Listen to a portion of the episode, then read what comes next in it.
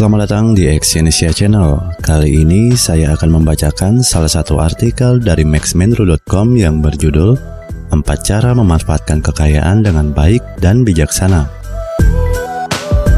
Memiliki kekayaan memang sangat menyenangkan. Setelah berjuang dan bekerja keras, kita pada akhirnya bisa menikmati hasil berupa kekayaan. Namun meski terasa menyenangkan, memiliki kekayaan ini ternyata mempunyai tantangan yang harus dihadapi pemiliknya.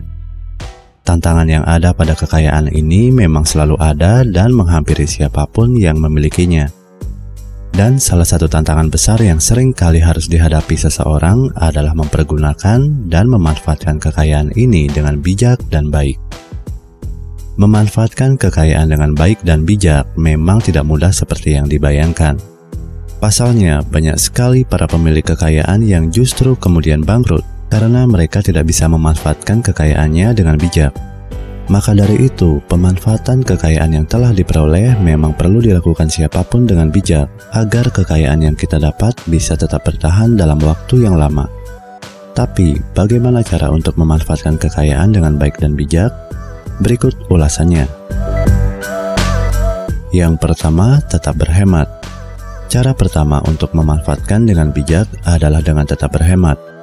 Kebanyakan orang Indonesia memang akan cenderung boros saat mereka memiliki uang banyak. Maka ketika seseorang mendapatkan pemasukan yang besar, pengeluaran pun juga besar. Kebiasaan ini tentu saja tidak baik. Pasalnya, ketika kita boros, maka kekayaan yang kita dapatkan pun akan segera cepat lenyap. Maka dari itu, agar kekayaan yang sudah diperoleh tidak cepat habis, maka Anda perlu bersikap bijak dengan cara tetap berhemat dan tidak menghambur-hamburkan uang untuk keperluan yang tidak terlalu penting. Lakukan saja hal ini, dan Anda akan melihat hasilnya dengan segera. Yang kedua, tetap menabung. Selain berhemat, Anda juga perlu memaksimalkan sikap kebijaksanaan kekayaan Anda dengan menabung. Jangan sekali-kali Anda melupakan hal ini. Uang hasil penghematan perlu Anda kelola dengan baik dengan cara menabung. Buatlah kas tabungan tersendiri dengan porsi yang lebih besar tentunya. Penambahan alokasi tabungan yang lebih besar memang harus Anda targetkan, karena kekayaan Anda yang akan makin bertambah. Jangan menyamakan jumlah tabungan saat Anda masih berjuang dalam keadaan sulit dengan saat Anda sudah mencapai pencapaian. Ini tentu saja tidak fair, Sebab sisa uang yang masih ada jika tidak ditabung maka akan segera lenyap begitu saja. Dengan menabung, kita akan mendapatkan keuntungan yang banyak. Selain membuat uang kita menjadi aman karena tersimpan di dalam bank, dengan menabung kita juga bisa merasa nyaman karena kita memiliki dana cadangan untuk persiapan apa pun dari segala kondisi yang tak terduga. Yang ketiga, jangan sombong, tidak serakah, dan jadilah dermawan. Meski sudah memiliki kekayaan yang lebih, Anda tidak boleh sombong. Alih-alih sombong, Anda malah diharuskan memiliki sikap rendah diri, tidak serakah, dan juga dermawan.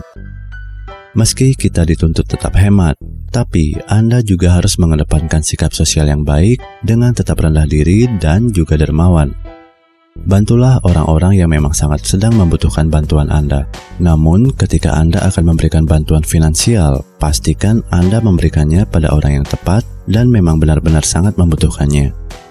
Jangan sampai tertipu dengan oknum yang berpura-pura menjadi orang yang miskin. Jangan lupa untuk bersedekah ke tempat-tempat ibadah. Dengan menolong, beramal, dan bersedekah, maka selain Anda akan mendapatkan pahala, kekayaan Anda juga akan bertambah lebih banyak. Yang keempat, tidak malas dan tetap bekerja. Terakhir, cara untuk memanfaatkan kekayaan dengan baik dan bijaksana adalah dengan tetap berusaha, tidak malas, dan terus bekerja keras. Walau Anda sudah mencapai target dan keinginan, tapi bukan berarti lantas Anda bisa bermalas-malasan dan tidak lagi mau bekerja. Hal ini tentu saja sangat keliru dan akan membuat Anda cepat kembali pada posisi titik nadir maka dari itu, untuk menjaga kekayaan ini dengan baik dan bertahan dalam waktu yang lama, Anda perlu terus berjuang dan bekerja keras.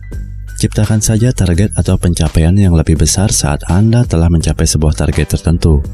Dengan cara inilah, maka rasa malas akan hilang dan api semangat akan tetap berkobar dalam diri Anda. Terima kasih telah mendengarkan audio artikel ini dan silakan cek link di bawah untuk membaca artikel yang saya bacakan ini di maxmenru.com. Salam sukses.